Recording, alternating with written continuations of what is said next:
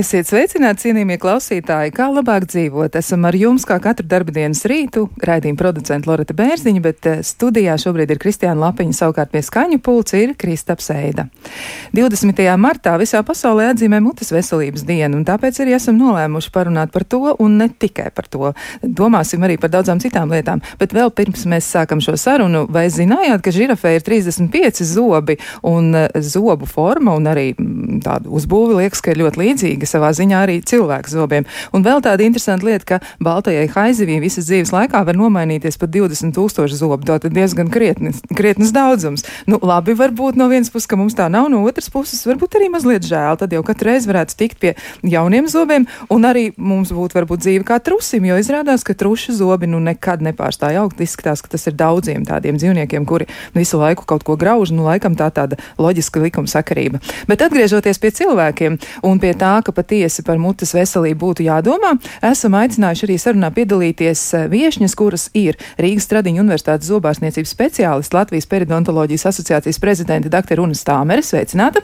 Sveicināti! Un vēl esam aicinājuši arī sarunā piedalīties zobu higienists Solvits Šuriņš. Sveicināti! Sveicināti! Nu, varbūt es pirmo jautājumu uzdošu eh, dr. Unai Stāmerei. Nu, kopumā raksturojot to situāciju Latvijā, e, nu, būtu taču vērts mums to mutes dobu un veselības dienu atzīmēt, un mums ir savi iemesli, kāpēc mums to vajadzētu darīt. Nu, kā jūs to varētu mēģināt raksturot?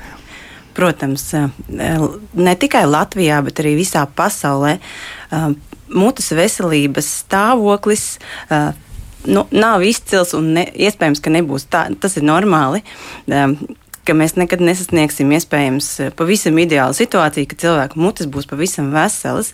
Bet um, šobrīd pasaulē notiek um, ļoti nopietni centieni informēt visu sabiedrību par mutes veselības jautājumiem, jo mutes, mute nekādā veidā nav atdalīta no vispārējā organisma. Ir arvien vairāk apstiprinošu pētījumu, ka mutes veselība, vai precīzāk slimības, ļoti nopietni apdraud vispārējo veselību. Un ir gūti konkrēti pierādījumi, tā skaitā par saistību ar sirds asinsvadu slimībām, paaugstinātu infarkta risku, cukura diabēta saistību ar, ar periodontītu un tādām lietām.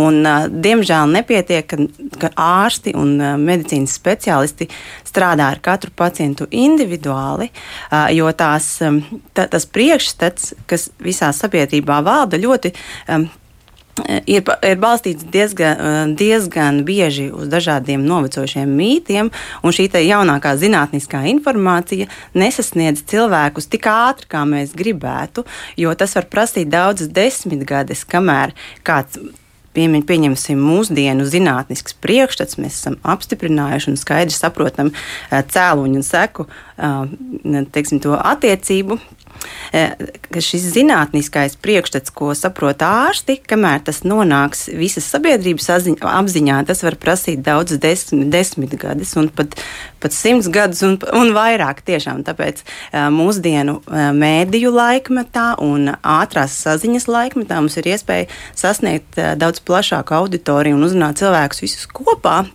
Nevis, nevis katru atsevišķi un tādā veidā uzlabojot sabiedrības veselību. Bet, protams, ka jāsaka, tas ir tāds, varētu teikt, koks ar diviem galiem, jo slimības nerodas nerodas ne no kā. Tāpat kā viduslaikos bija priekšstats, ka žurkas rodas no vecām lupatām, ja, tad, tad šobrīd mūsu priekšstati ir pavisam savādāki. Un, Un e, šīs slimības no kaut kā rodas, un mums vairāk ir jārunā par iemesliem, nevis par to, ko mēs ar to varam pēc tam darīt. Jo uh, organismam ir, ir tīri fiziski limiti, uh, lai arī mūsu, mūsdienu medicīna ir ļoti augstu attīstīta un spēja izdarīt ļoti daudz, bet tomēr šie limiti ir. Un tādēļ ir vērts rūpēties par savu veselību un nepieļaut slimību veidošanos un rašanos. Tātad tas būtu tāds ļoti būtisks aspekts. Nu, varbūt var mazliet iezīmēt arī to, kā tad Latvijā tiek atzīmēta mutes veselības diena, kas ir tas, ko mēs varam pie sevis te samanīt, noskaidrot, uzzināt, aiziet, izdarīt. Kā tas ir? Jā, šogad eh, Rīgas Tradiņu Universitātes zobārstniecības fakultātes studenti, gan pirmā kursa zobhigienisti, gan piektā kursa zobārsti nolēma aktīvi iesaistīties viena mēneša kampaņā. Tātad tiek tulkoti materiāli, un uh, tiks izplatīti, izveidojot informatīvos materiālus mutes veselības veicināšanai. Informāciju par Latvijas aktivitātēm var iegūt FDA kampaņas oficiālajā mājaslapā, bet tas, kur noteikti būtu vērts pievērst uzmanību, uh, izglītojošie materiāli latviešu valodā tiks izplatīti sociālajos mēdījos, tā skaitā gan Instagram, Facebook un Twitter. Instagram jūs varēsiet atrast, meklējot pavisam vienkārši mutes veselība. Vienu mēnešu ietveros sociālajos tīklos tiks organizēts arī zīmēšanas konkurss bērniem. Protams, par konkursu jūs noteikti sekojat līdz mums sociālajos mēdījos, tur arī viss tiks izskaidrots un pastāstīts. Uh, un jā, tā tad pirmo reizi visas profesionālās zobārstniecības asociācijas Latvijā, gan periodontologa asociācija, gan zobārstu un zobu higienistu asociācijas, Latvijas zobārstniecības studentu asociācija un Rīgas Stradiņu universitātes stomatoloģijas institūts vienoti atbalsta šo kampaņu un ievieto šos informatīvos materiālus savos Facebook profilos un mājaslapās. Mūsu galvenais mērķis pamatā šim projektam ir aptvert pēc iespējas plašāku auditoriju, dot iespēju sabiedrībai iegūt plašākas zināšanas un informāciju tieši no mutes veselības profesionāļiem, kā uzlabot mutes veselību pacientiem visās vecuma grupās. Jā, tā tad ļoti daudz dažādas lietas tiek darītas. Jā, šogad arī tā ļoti, ļoti aktīvi. Un arī visas asociācijas ir iesaistījušās. Izskatās, ka ļoti, ļoti aktīvs darbs. Starp citu, klausītāji ļoti aktīvi iesaistījušies, un viņas ir piesaistījis tas, ja kā var būt nepārskaitlis zobu, jo viņi saka, žirafē ir 32, nevis 35. Nezinu. Es atradu šo informāciju interneta dzīvēs, jāsaka, skaidri un gaiši, un nepārbaudīju, jājautā kādam biologam, kā tur īsti ir ar to žirafu. Bet to mēs noskaidrosim vēlāk, un tas varbūt arī nebūtu tas galvenais jautājums. Mans eh, nākamais jautājums drīzāk varētu būt tāds, kādas tad ir biežākās problēmas problēmas, kas ir Latvijas iedzīvotājiem sastopams. Noteikti ir kaut kāds tops, kas ir izveidojies, par ko jūs varat noteikti droši runāt. Um. Tops, diez vai mēs šeit varam runāt par tādu topu Latvijas iedzīvotāju vidū, bet ir konkrēti rādītāji, pēc kuriem tiek noteikts mutes veselības, teiksim, sabiedrības mutes veselība. Un, tā tad mutes dobums nav tikai zobi kas ir, ko ir ļoti būtiski saprast, jo mutes dobumā ir arī gļotāda, un arī zobi balstās audos. Un visas šīs daļas var skart jeb, dažādu veidu slimības, un šis slimību spektrs ir ļoti plašs. Protams, divas galvenās lietas, par ko runā sabiedrības veselības aspektā, gan Latvijā, gan, protams, pasaulē, visā, pasaules līmenī, ir zobu kāries un periodontīts. Zobu kāries ir caurums zobā, ja, kas var novest pie uh, zoba zaudējuma, ja ļaujam šim kāriesam attīstīties uh, pārāk, pārāk, uh, nu, pārāk dziļi. Un otr, otrs, otrs būtisks aspekts ir nu, vienkāršākā vārdā sakot, smaganu slimības, bet plašāk tas ir, ir periodonta slimības, zobu balstaudas slimības, kad pilnīgs ves, pilnīgi vesels zobs. Uh, zaudēja balstu, sāk kustēties un izkrīt vai tiek izrauts. Tātad uh, zobu zaudējums ir tas būtiskākais aspekts. Um, um, kas mums būtu, uh, nu, tas ir tas, par ko mēs nu, teikt, satraucamies. Jo zobi, uh, tātad šie 32 zobi cilvēkam ir paredzēti no dabas. Un tiem ir arī kāds uzdevums.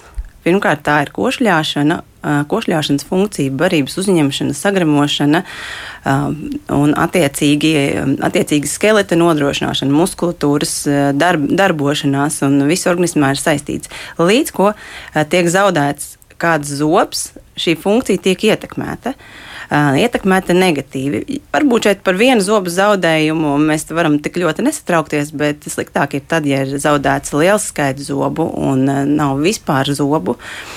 Tad šī te, košļāšanas funkcija nenotiek, cilvēks nenotiek veiksmīgi, ja, un cilvēks sāk uzņemt nepilnvērtīgu pārtiku, un, uh, un līdz ar to var ciest vispārējais organisms nu, dažādos aspektos. Uh, lūk, šie tad, uh, zobu zaudējuma cēloņi, tātad ir divas galvenās lietas - zobu kāries un periodontīts. Un zobu kāriesu, kāries izplatību sabiedrībā nosaka dažādos pētījumos, izmeklējot izmeklējot ļaudis dažādos, dažādās vecuma grupās un nosakot kariozo ekstrahēto un plombēto zobu skaitu. Tas nozīmē, ka zobā ir kāds, ka zobā, zobs nav vesels, tā teikt. Ja? Un, kas ir zināms no tādiem pēdējā, pēdējiem pētījumiem, kas ir uh, Latvijā veikti 1000, piedošana, 2015. un 2016. gadā, tad uh, teiksim, 12 gadu vecu bērnu grupā šīs rādītājs ir 3,4. Tas nozīmē, ka uz katru bērnu ir 3,4 bojāti zobi. Tas ir sliktākais rādītājs Eiropā ceturtais sliktākais rādītājs Eiropā. Pats pirmais jā. rādītājs ir Dānijā. Dānijai ar 0,6. Viņiem jaunākos pētījumos, labākais. Un jaunākie pētījumi pat rāda, ka 0,4. Skandināvijas valsts vienmēr ir bijušas priekšgalā ar šiem rādītājiem, bet teiksim, tā tendence Latvijas, eh, Latvijas sabiedrībā šis rādītājs 3,4 eh, ir saglabājies eh, uz vietas, tā teikt, apmēram desmit gadus stabili. Nu, tik cik ir šie pētījumi bijuši. Iepriekš tas ir bijis pat. Se, manuprāt, 70. gados ir bijis pat septiņi. Vai dieniņi? Un tā kā šis stāvoklis ir uzlabojies Jā. kopumā, bet vienalga viņš stāv uz vietas kaut kādā līmenī. Un tas noteikti liecina par, par to, ka iespējams cilvēkiem pietrūkst veselību pratības. Ir mūsdienīgi tiek runāt par veselību pratību, par informāciju pratību. Un, uh, šīs lietas nāk no ģimenes, no ģimenes, no skolas, no, uh, no, no šejienes. Jā. Ko tad dāņi dara savādāk, ja viņiem ir tik labs cipars? Ja viņiem 12-gadīgam bērnam tomēr ir nu, ļoti maza varbūtība, ka kāds zobs būs sabojājies, izskatās, ka drīzāk viņi būs visi veseli. Jā, man ir grūti komentēt tieši, tieši Dānijas, eh, Dānijas situāciju. Es, protams, viņus apsveicu, tas ir lieliski. Un, um, iespējams, tā ir sabiedrības izglītošana un, um, un jau ļoti senas iestrādes valsts līmenī, gan, gan uh, izglītošanas, gan, teiksim, arī veselības aprūpas pieejas, pieejamības līmenī noteikti. Bet, protams, ir dažādas atrunas, kā, teiksim, kas raksturo varbūt Latvijas sabiedrību, kas teiksim, varbūt arī mentalitāti, ka mēs esam tādi, kuri vairāk meklēs atrunas savai problēmai nekā risinājumus. Ja arī šis risinājums ir tepat deguna priekšā, tā teikt, pieejams, tad uh, tik viegli, tik viegli nebūs to, to paņemt, jo tādēļ, ka ir kaut kāds atruns, kādai man ir kāda slimība vai kāda situācija. Jā, ir klausītāji iesaistījušies eh, ļoti, ļoti aktīvi, un viņiem ir daudz dažādas piezīmes un komentāru, un izrādās arī, ka ir tāda realistiska pieredze mm, no dzīves, tieši kā tas ir. Izrādās, ka Dānijā vecākiem jāmazgā bērnu zobu līdz desmit gadu vecumam. Esmu tur dzīvojis. Sākumā tas ļoti izbrīnīja, bet vēlāk sapratu, kāpēc tā ir. Tas nozīmē, ka vecāki ļoti aktīvi iesaistās un palīdz, laikam, apgūt to labāko praksi, kāda ir nepieciešama. Tas ir tieši, ko es minu, tā ir ģimene. Pie mums jau tieši tāpat apmēram desmit, desmit gadus higiēnisti varētu teikt, balsī kliedz Jā. un uh, informāciju sūta virsū cilvēkiem. Cilvēki, acīm redzot, to vai nu informāciju nesasniedz, vai arī, uh, vai arī šī informācija netiek uztverta par to, ka bērnu zobi ir jāpārtīra. Varbūt Solvita var pastāstīt. Jā, jā, tieši katram, tā. Katram pacientam, kas nāk ar bērniņu, tiek, tiek tiešām stāstīts un uzsvērts to, ka līdz skolas vecumam bērniņam ir jāpārtīra zobi, jo rokas motorika tīri fiziski, viņa nav attīstījusies tā, lai tas mazais bērniņš kvalitatīvi pats spētu sev iztīrīt tos zobiņus. Tātad tā ir lieta, ko jums noteikti jāņem vērā. Nu, vēl arī uh, ir tāda skarbāka piezīme, ka pētnieki tikai pēta un pēta, bet uz vizīti pie bērnu zobārsta mums jāgaida pāris gadus vismaz pie mums Daugopilī, piemēram. Ja? Nu, tad ļoti, ļoti mm, tāda, nu, tas rūms secinājums par to, ja tas tā ir, tad tiešām tas ir ļoti nelāgi. Mm, tur noteikti ir kaut kas eh, jādara, bet runājot par tādām tehnikas lietām, vai varbūt par to, ko var darīt, ja? nu, tad vēl kāds komentārs ir par to, ka mutes dobumā ir arī mēle. Latvijas cilvēki bija aizmirsuši, kas atrodas uz mēles un tā ir jānotīra pirms brokstīm. Un, pirms gulētiešanas. Tagad gan zobārsts iesaka, m, arī, ja arī zobārsts sāk iesakt tīrīt mēli, nu, pastāstiet, kā, nu, tad kā tur ir to mēli? Mēli jau arī tad ir tiešām mutē. Jā. Jā, šis ir tāds jautājums, kur nu, ne, vi, mēle ir mutē, tur ir mikroorganismi arī, protams, un mēle es gan vienmēr pacientiem piekodinu, ka varbūt ne, nav speciāli, ja tie līdzekļi nav, nav speciāli jāpērk atsevišķas ierīces, un tai mēlis tīrīšanai var arī ar savu mīksto, maigo birstīti arī to mēlīti vienmēr iztīrīt. Jā, man tikai liekas, ka kā tur bija ar tām brokastīm, izskatās, ka pirms brokastīm varbūt gluži nē, drīzāk tas varētu būt pēc brokastīm. Jā, tas noteikti ir pēc brokastīm, bet mīļās dāmas, kuras lieto citronu ūdeņus brokastīs, Tur gan ir, ja pēdam brokastis un uzdzeram citronu ūdeni, tur ir jābūt laika intervālam līdz zobu tīrīšanai vismaz pusstunda. Protams, uzdzeram arī parastu ūdeni pēc citronu ūdeņa, jo emālija uh, paliek, tā teikt, tautas valodā runājot, maigāka, un mēs varam sabojāt savu zoba virsmu. Jā, un reiz mēs to esam pieminējuši, tad noteikti arī varbūt ir vērts pieminēt tādas citas lietas ieradumu līmenī, kāda ir tie dzērieni, kuri laikam zobiem īsti nepatīk.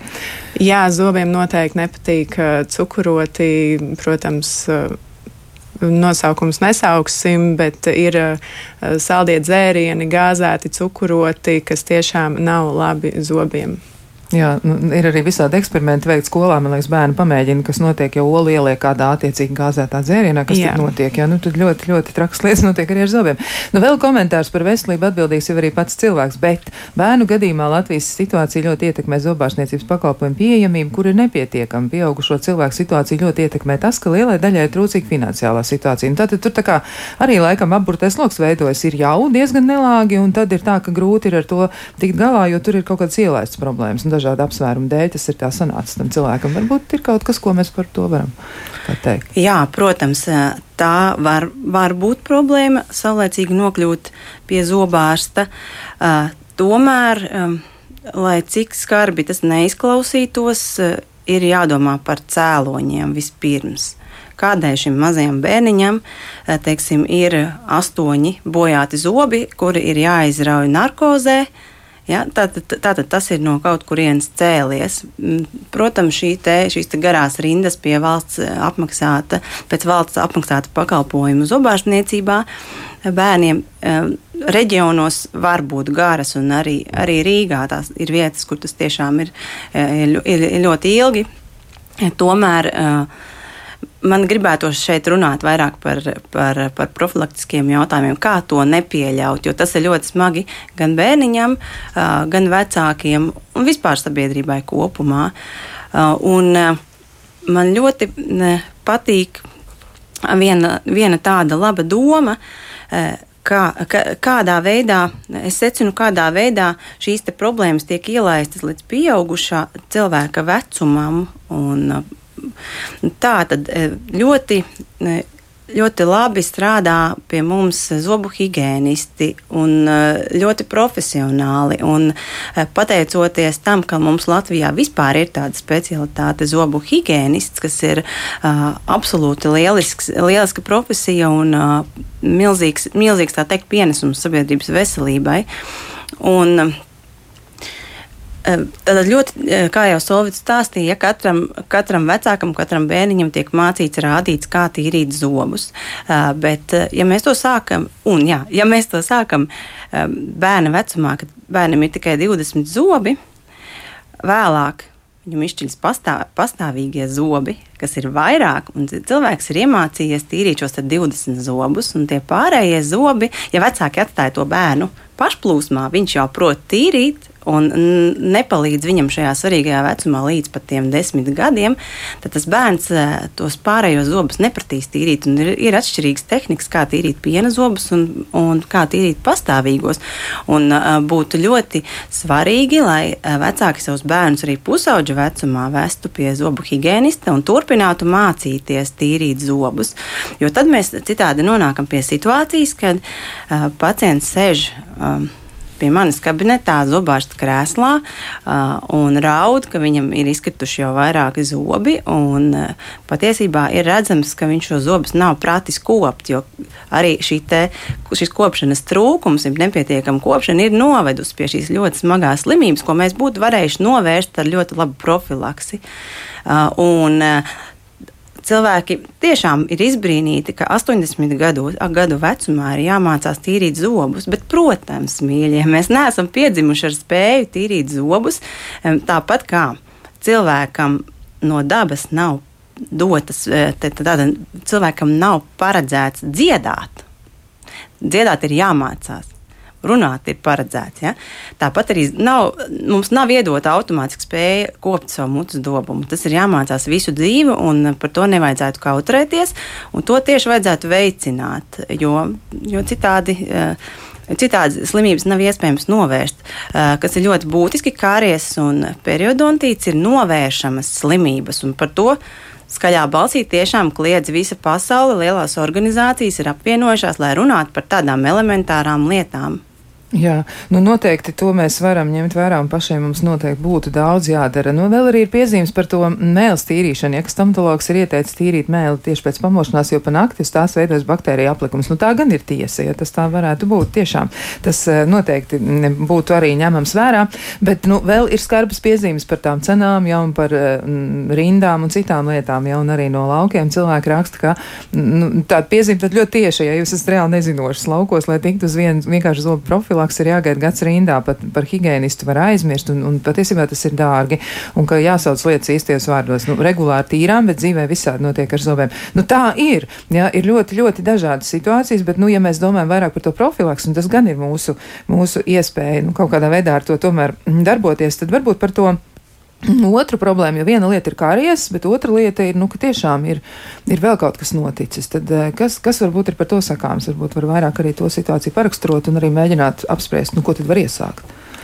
Runājot par uh, smaganu slimībām, jau ja periodonta mhm. slimībām, tad uh, mēs esam jau, jau iepriekš runājuši un, un uh, organizējuši kampaņas arī 2019. gadā, uh, kad vēl bija pieejams, pieejama nu, tāda teikt, klātienes darbība. Mēs rīkojām, Latvijas periodontologu asociācija rīkoja plašu kampaņu ar, ar mērķi informēt sabiedrību par smaganu slimībām, kas tās tādas ir, un kliedēt šos mītus un, un veicināt arī zobārstus, vispārējos zobārstus daudz aktīvāk iesaistīties gan smaganu slimību skrīningā. Toreiz mums izdevās uh, veikt skrīningu, skrīningu izmeklējumu um, diezgan daudz, daudziem cilvēkiem aptuveni 300 cilvēkiem visā Latvijā.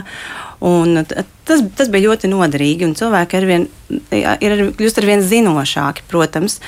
Un, um, nereti šīs smaganu slimības, tā teiksim, sauksim viņas tā vienkārši, tiek ignorētas. Un ir jāsaprot, ka smaganu slimības uh, nesākas šis te, teiksim, smagākā forma, kas ir periodontīts, nesāks vienā dienā. Tas sākas jau uh, vairākus gadus atpakaļ ar tādām pavisam nemanāmām pazīmēm, varbūt, varbūt pat uh, ne, nepamanītām. Un, piemēram, smaganu asiņošanu, kas ir ļoti būtisks iekaisuma, iekaisuma rādītājs. Bet, diemžēl, jāsaka, ka šīs pazīmes tāpat arī smaganu asiņošanu pacientam ir ļoti grūti pamanīt pašam. Tādēļ ir ļoti svarīgi regulāri apmeklēt speciālistus, cik vien tiešām tas ir iespējams, un noskaidrot, kā, kā, cik veseli ir zobus aptverošie audi. Jo tad, kad sāk kustēties zobi un jau kāds ir izkritis, tad, diemžēl, arī periodontologs vairs nepalīdzēs. Tad šī spēle ir zaudēta lielākoties. Labā ziņa ir tā, ka šīs slimības ir apturamas pavisam sākotnējās stadijās. Un, un, to var izdarīt arī zobu higiēnists ļoti veiksmīgi. Ja vien viņš ir zinošs šajos jautājumos. Jā, nu tad zobu higiēnistam arī jautājums ir par to, nu kā tad ir cilvēki dodas pie zobu higiēnista un kas ir tas, ko jūs novērojat arī? Nu, kas ir tās varbūt būtiskākās lietas, ko būtu jāņem vērā, bet ko cilvēki, nu, Nu, varbūt savu laiskuma dēļ, aizņemtības dēļ, kā viņi paši arī to skaidrot. Ļoti daudz dažādu argumentu mēs viņus atrodam. Ja? Tad, kad vajag, mēs viņus atrodam, bet tas īsti nepalīdz. Nu, ko tad cilvēki dara, varbūt negluži tā, kā vajadzētu, ko jūs pamanāt? Tas, ko es, es gribētu īstenībā atbildēt uz jautājumu, kas bija pirms tam par to, ka nav iespējams nokļūt pie zobārsta Labi, ja piemēram jums tiešām nav iespējams nokļūt pie zobārsta vai zobu higienista, uzdodiet sev jautājumu, vai es tīru zobus divas minūtes, vai es tīru starp zobiem, un vai man ir zobu pasta. Tās ir tādas tā kā trīs pamatlietas, kas tiešām uh, palīdz. Jo tas, ko es varu novē, novērot pie sevis kabinetā, ja man atnāk pacients ar tiešām sarežģītu situāciju, ir pacienti, kuriem es sākumā uh, kurus es sākumā apmācu tīrīt un sūtu mājās, un tikai tad pieņemu pēc uh, apmēram mēneša, tad, kad pacients jau ir tīrījis kādu laiku pats. Tas nozīmē, ka smaga nauda jau tad ir veselāki, un tad arī mēs kabinetā varam uh, produktīvāk strādāt un visu smuki notīrīt. Tātad uh, pamats, ko es gribēju teikt, tiešām tā profilakse ir ļoti svarīga, un arī tad, ja netiek pie speciālista, var tiešām lietas darīt arī mājās un ieplānot iet pie speciālista tad, kad pienāk šī rinda un tad, kad tiek pie viņa. Jā, tad par to droši vien arī ir jādomā laicīgi, jāieplāno kaut vai Jā. tāpat vizīte pie zobu higienista. Kāds būtu tas labākais intervāls, ko jūs varētu ieteikt? Arī tam cilvēkam, kurš par sevi domā, nu, man zobi kā vilkam, man ir veicies, jā, nu, tomēr ir, ir tāds, nu, tāds optimāls laiks, kad vajadzētu aiziet pie higienista un arī pie zobārsta parādīties. Mēs visi noteikti neesam vienādi, mums ir atsevišķi atšķirīgs iekalu sastāvs, un to noteikti speciālists izvērtē uz vietas.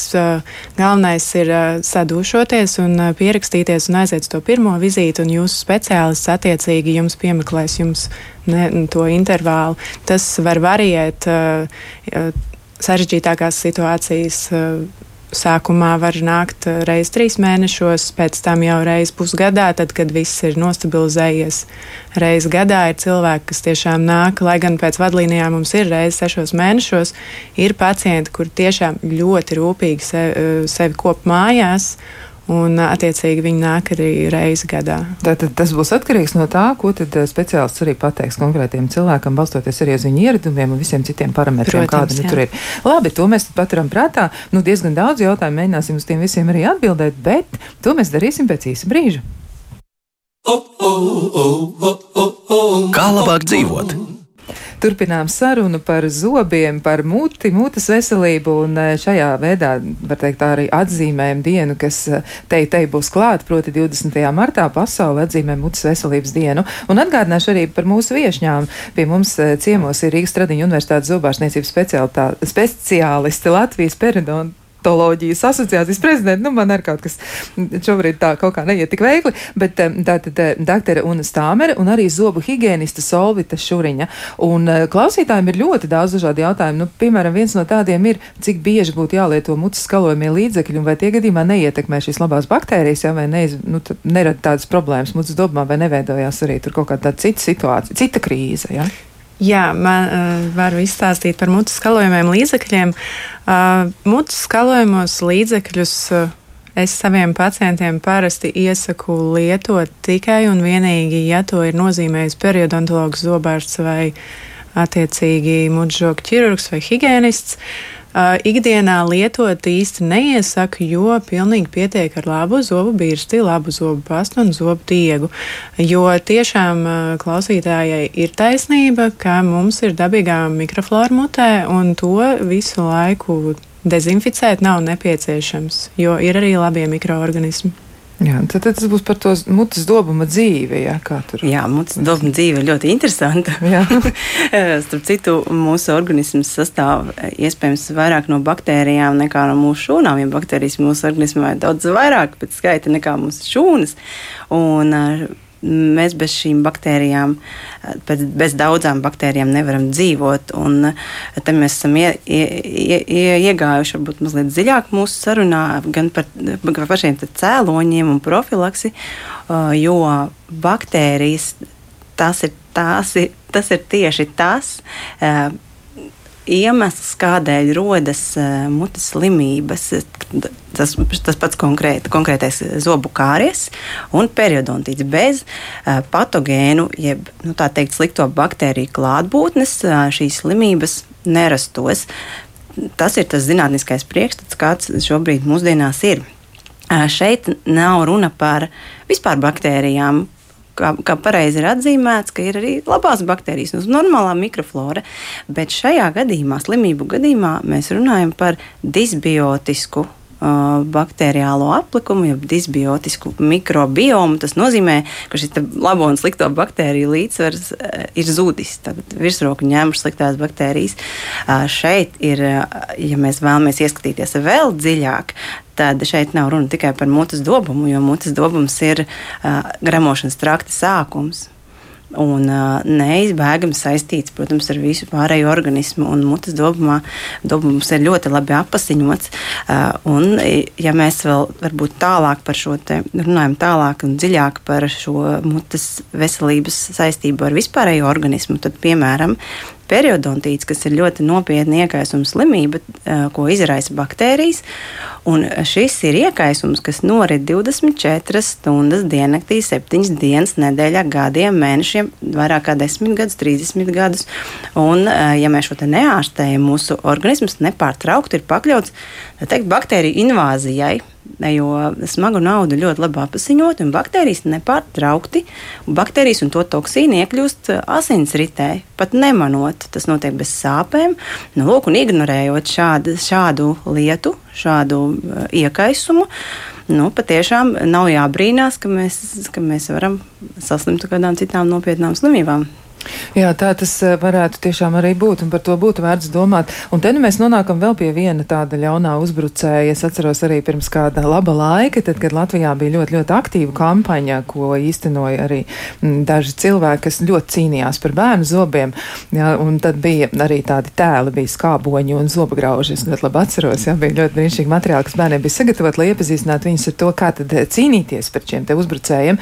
Un runa ir arī par cukuru tātad. Un arī klausīt klausītāji aicina mūs par to vairāk parunāt, jo e, viens no klausītājiem raksta, kāpēc nerunāt par zobu smaganu un aplikumu uz mēles galveno cēlo neadekvātu uzturu lietošanu, jā, tādu, kādu būtu cilvēkam paredzējis daba, jo mēs no tā tiešām esam diezgan tālu aizgājuši prom. Un klausītājs arī raksta, ka manam vecvecāvam 99 gados visi zobi bija veseli, zobi birts un pastas toreiz nebija, un tad, tad viņš vienkārši ēda veselīgi. Un vēl arī kāda klausītāja saka, nu, ka būtu labi pastāstīt par baltā cukura ietekmi uz zobu veselību, jo viņas zobārste, kura regulāri arī papildina savus zināšanas par pasaules stomatoloģijas un tādiem zinātniekiem ar vārdu. Jā, viņi ieteica nekādu cukuru nelietot, jo tas ir pirmais, kas sabojā bērnu piena zobus. Un cukuru mēs saņemam dabīgā veidā ar pārtiku. Nu tad par to cukuru lūdzu. Tad, um, brīnišķīga, brīnišķīga tēma, protams, brīnišķīga tēma. Um, un uh, mums ir lieliski klausītāji un gudri klausītāji patiešām.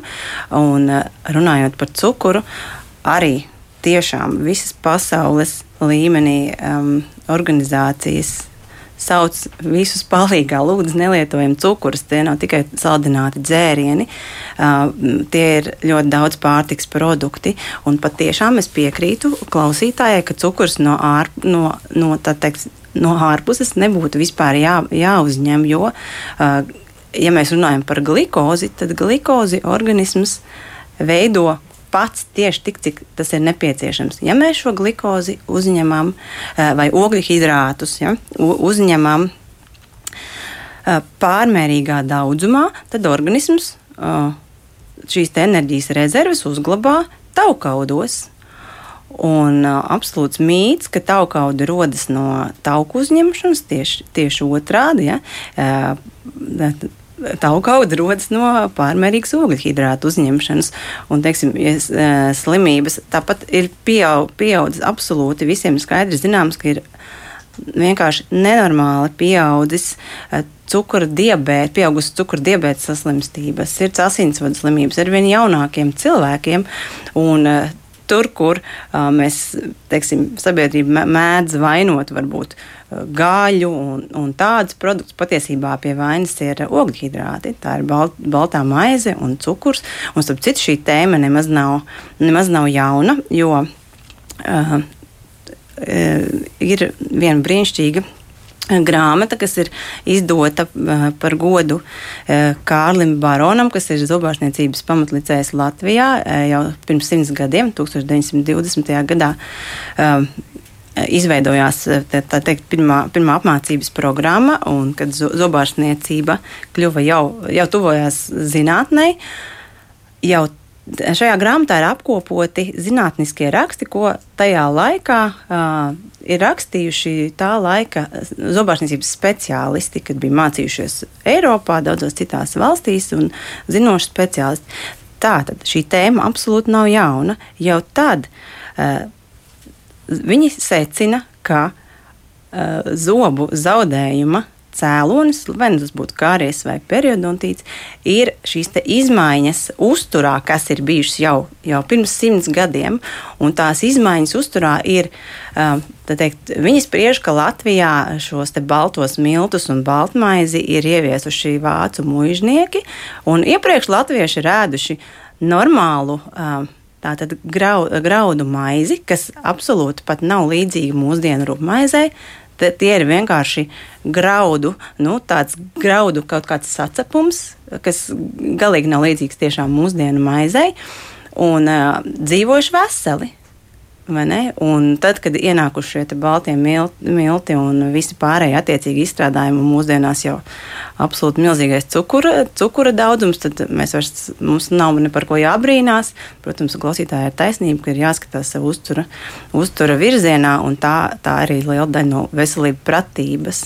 Jā, noteikti tātad par ēdienu kvalitāti un saturu, jā, par to, kas tur īsti iekšā par tiem cukuriem, tomēr būtu jādomā. Mums ir klausītājs zvanī, nu, uzklausīsim arī kādu, kurš mums ir piezvanījis. Mēs Labdien. klausāmies, jā, lūdzu.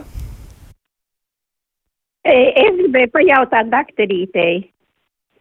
Uh, varbūt ir kādi jauni pētījumi, kā lai es tieku vaļā no Lichtenrubena plānus. Paldies par jautājumu. Jā, nu tad pārdresēsim jautājumu, kā tad. Kā tad Jā, vaļā? šis būtu jautājums uh, vēl cita veida speciālistam, uh, kurš nodarbojas ar mutes gļotādu, bet jā, šeit es jums noteikti neredzot, jūs nevarētu iedot nevienu, nevienu padomu, nevienu recepti, kā, kā jums no šī, šīs lietas atbrīvoties. Bet, eh, protams, ka mutes dobums ir ļoti eh, skaidri, skaidri tā vieta, skaidri redzama vieta, kur kur izpaužas dažādas citas organisma uh, varbūt, problēmas un slimības. Ne tikai tā, ka mutes dobums ietekmē, mutes dobuma veselību vai slimības ietekmē visu organismu, bet ir arī otrādi. Mutes dobums ir vispārējo slimību izpausme, tāpat gremošanas trakta uh, slimību un dažādu varbūt, stāvokļu vai novirzes uh, izpausme. Uh, tas, ko es varu ieteikt, ir apmeklēt atrast iespēju apmeklēt uh, mutes gļotādes speciālistu. Uh, Šādi speciālisti ir Rīgas Tradiņu Universitātes stomatoloģijas institūtā. Ir atsevišķa nodaļa, kas ar to nodarbojās, un doties uz konsultāciju un tieši saprast, tie, kā tieši konkrēti jums var palīdzēt. Tā tad ļoti labi. Tā tad jādodas eh, pie stomatologiem, jā, Stradiņu universitātē, tā tad jāmeklē kontakti un tad jādodas pie viņiem. Ir vēl kāds klausītājs zvans. Sveicināt, mēs klausāmies! Halo! Lūdzu! Jūs mani dzirdat? Jā, mēs jūs dzirdam. Jā, paldies par raidījumu, bet man ir arī savs viedoklis par, eh, par, eh, par, tām, par tiem zobiņiem. Ja? Paldies doktorīšiem, kas to dara, bet es uzskatu, ka tie ir tā kā pažarnieki gandrīz vai eh, zobu ārsti. Ja? Jo visa pamatā man šķiet tomēr, ka ir iedzimtība ko šodien tā skaisti sauc par uh, ģenētiku, ja? Un, un, un man rados ir vismaz trīs cilvēki, kas vispārībā jau pāri 70 gadiem, kas nekad nav tīrījuši, pucējuši zobus, un kas pat nezina, kas ir zobu birsta, un viņiem visi zobi veseli, bet man tas bija, es sevi atceros tikai no, no, no zobārstu, zobārstu krēslā sevi sēžot. Ja, un, un, un, un, un nu, toreiz bija tāda sliktāka, sliktāka materiāla, šodien ir labāki, bet tā kā paldies doktorīšiem un, un, un, un ļoti vēlētos, lai tas būtu lētāk un vairāk pieejams pakalpojums. Jā, paldies par jūsu viedokli, un noteikti arī Jā. mēs varam eh, varbūt arī komentēt to, kas ir klausītāji bijis sakāms par to, kā tad ir ar tiem Nu, ar tiem gēniem, ja tāda ļoti, ļoti mīļa tematika arī cilvēki grib jā. ļoti atsaukties uz to. Nu, ko mēs par to varētu teikt par iedzimtību? Tas, kas klausītāji noteikti ir taisnība par to, ka tā ir ugunsgrēka dzēšana. Bet uh, noteikti vēlos atgādināt to, ka mums iedzimst zoba forma. Mums varbūt ie, iedzimst arī blīvums un uh, siekals sastāvs, mikrobioms tas pats mums ir, ir komplekss, kas iedzimst, bet gan kāries, gan uh, zoba apkārtējo audu slimības tas ir zinātniski pierādīts un praksē pārbaudīts, ka, ja ir tendence uz šīm slimībām, tad noteikti pareiza kopšana atrisina šo jautājumu. Tad, tomēr, tomēr tas būs jādara. Um, nu, vēl ir arī tā, ka rekur izdā, izdevies ir eh, klausītājiem izmērīt cukuru daudzumu. Viņš ir pamērījis vidējo dienas cukuru dozu un tīrā veidā sanāca pusotras tasas tīra cukuru dienā dieniņu. Tad, tad nu gan salda dzīve, ja, ļoti. Bet tiem, die, diemžēl tādas nelākas sekas. Nu, vēl arī klausītājiem ir jautājums, kāpēc sākas periodontoze. Vienmēr esmu rūpīgi kopusi zobus, bet šobrīd vēl, ka potenciāli varu zaudēt eh, zobus. Nu, kā tad ir? Kas varētu vēl tur būt sakāms par šo tēmu? Jā, paldies par jautājumu klausītājai. Um, Atgādināšu, ka šo slimību sauc par periodontīts. To mm -hmm. agrāk pazina ar paradontoze, Jā. paradentīts, dažādi veidi nosaukumi ir bieži, bet uh, pēdējo 20. Pēdējos 20 gadus mēs lietojam apzīmējumu periodontīts, un arī speciālists sauc periodontologs. Un, uh, Šī, šī ir nopietnākā un smagākā no, no smaganu slimību formām, kas sākas pavisam viegli, viegli tikai smaganu audos, pavisam nemanot, uh, izplašoties dziļāk. Kāpēc? Jautājums, kāpēc sākas? Vēlos papildināt, paldies Solvitai par iepriekšējo atbildi. Šeit noteikti nav viens faktors. Arī paldies iepriekšējai klausītājai, kas runāja par iedzimtību, par gēniem, par ģenētiku, protams, tad periodontīts ir multifaktoriāla slimība. Ko nozīmē multifaktoriāls? Tas nozīmē, ka tiešām ir daudz un dažādu faktoru kombinācija, individuāli. Un šī slimība izpaužas katram pacientam absolūti individuāli. Gan pēc tā, cik ātri tā progresēs, ja atstāsim neārstētu, gan arī pēc, eh, gan arī pēc izpausmēm mutes dobumā vai skarts. Vis, visi zobi var skarti, visi zobi vai tikai atsevišķi daži, un ļoti daudz un dažādi faktori. Bet skaidrs ir viens, ka tā ir tā ir baktēriju, mutes, mutēs dobumā esošo baktēriju pārmērīgas savairošanās un attiecīgi organisma reakcija uz tām. Un šī organisma reakcija ir pastiprināta. Un tas ir, nu, ir tāds mīts, ka, ja man ir periodontīts, tad man ir slikta imunitāte. Nē, tieši otrādi imunitāte darbojas ļoti labi, bet organisms ar visām šīm imūnajām reakcijām nespēja atbrīvoties ne no zobakmens, ne no, ne no aplikuma, jo baktērijas ir ļoti gudras un viltīgas. Viņas piestiprinās pie zoba ļoti stipri un spēcīgi. Un kā jau iepriekš mums tika runāts, ka to var noņemt tikai mehāniski ar zobu birsti. Ja, vairs, ja, ja ir pārāk daudz šī materiāla, tad nāk tālāk kā speciālists, zobu higienists, periodontologs tikai mehāniski. Tā tad, ja pacientē ir periodontīts, tas nozīmē, ka. Uh, Un, ja, ja ir bailes zaudēt zobu, tas, nu, tas varētu nozīmēt to, ka šīs, šī situācija ir diezgan jau ielaista, nu, tā teikt, ielaista un smagā stadijā. Un, uh, ir dažādas ātri progresējošas periodontīda formas, kas skar jau jaunus cilvēkus. Tāpēc ir ļoti, ļoti svarīgi jau jaunī, ja, jaunībā, pusauģu vecumā uh, ļoti rūpīgi veikt skrīningu. Un, šī te, šis apgalvojums, es ļoti rūpīgi tīru zobus. Jā, es, es ticu Es ticu, man visi pacienti, kas eh, iesēž, iesēž uz krēslā, visi saka, bet es jau tīru zobus, eh, es viņam ticu, un es redzu, ka viņi tīra zobus. Ir jautājums, varbūt būtiskākais, vai es iztīru savus zobus, un ko Solvita teica iepriekš jau, ļoti būtiski ir notīrīt visas zobu virsmas. Ne tikai vienkārši ar zobu birsti kaut kur, eh, kaut kur pavicināties, bet iztīrīt arī starp zobu spraugus, jo periodontīts sākas tieši starp zobiem, kur tiek atstāts šis aplikums. Ja cilvēks nelieto zobu diegu vai starp zobu birstīci, tās ir nozīmētas, tad viņš nemaz nepamanīs, ka, ka smadzenes asiņo, tāpēc ka viņš tur nepieskarās. Smadzenes asiņus, ka pieskarsies. Ja viņš nepieskarās, tā, tā tad to nevar pamanīt. Jā, nu tā tad ir paņēmieni, ar kuriem mēs varam tomēr cīnīties eh, pret šādu situāciju un tās attīstīšanos. Pilnīgi skaidrs, ka higienists un, un zobārsts noteikti būs palīgs, kas to palīdzēs izdarīt, un arī tie papildus speciālisti. Bet, eh, nu, vēl tad viens jautājums arī, nu, kādi kopšanas veidi tad ir pie higienista, jo mehāniskā zobu tīrīšana ir diezgan tāda, nu, pamatīgs, ir tāds nepatīkams paņēmiens, kā klausītāja raksts, pēc kur pat īpaši negribas pie tā higienista iet. Kas ir tas, ko jūs izmantojat? Varbūt tāds pāris vārdus par tādām modernām tehnoloģijām, kas tiek lietots, jo pie higienisma, man liekas, tā ļoti patīkami ir atrasties. Mm, jā, man arī šķiet, ka ir diezgan patīkami. Protams, ne no pacientiem ir dzirdētas dažādas pieredzes, bet.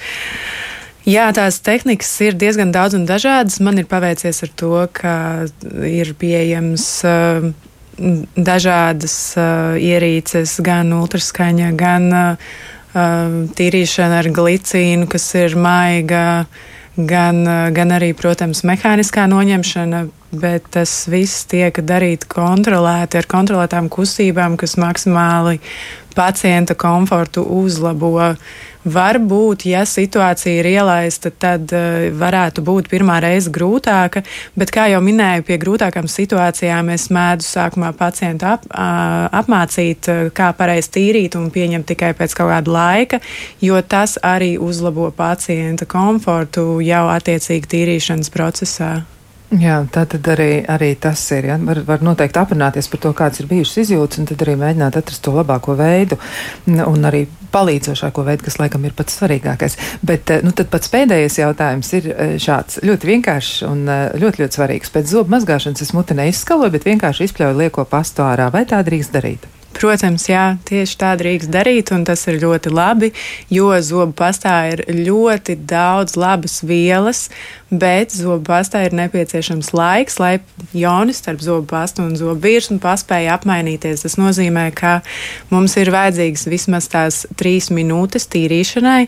Tas ir tas minimālais laiks, bet ja mēs atstājam zobu pastiņu vēl uz zobiem, tad tas nodrošina to, ka tā mineralizācija notiek arī pēc tam. Jā, tā, tā ir pareiza praksa, un tie cilvēki, kas tā dara, tad uh, droši to arī turpiniet. Nu, šajā mirklī man jāsaka paldies Rīgas Tradiņu Universitātes zobārstniecības speciālistē Latvijas periodontoloģijas asociācijas prezidentē doktorai Unai Stāmrei un arī zobu higienistē Sovitē Šuriņai par ļoti būtisku un svarīgu informāciju un arī par atgādinājumiem. Un varbūt vēl pats pats pēdējais, varbūt jūs varat pateikt tieši, kur ir jāmeklē informācija. Nosauciet vēlreiz adresi. Jā, tā tad uh, informācija par mutes veselību būs Instagramā meklējot pēc atslēgas vārdiem mutes veselība. Tā tad ir arī Facebookā.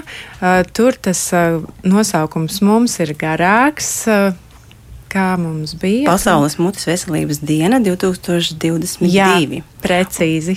Un ļoti būtiska informācija ir atrodama arī Latvijas periodontologu asociācijas mājaslapā www.periodontoloģija.lv ir īpaša sadaļa pacientiem, kur mēs esam ievietojuši tādu aktuālāko informāciju uzskatāmā veidā.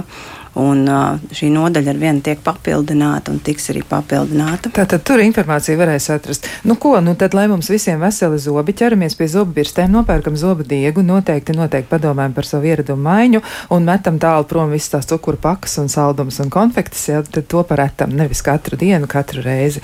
Nu, lūk, nu, kaut kā tā mums tāda plāna jāveido. Nu, tad no klausītājiem arī šajā brīdī es atvedos. Studijā bija Kristiāna Lapiņa, pie skaņu pulca savukārt bija Kristaps Eida, bet raidījumu producēja Lorita Bērziņa. Mēs ar jums tiekamies kādu citu reizi, un lai jums tiešām mierīga un jauka un izdevosies diena!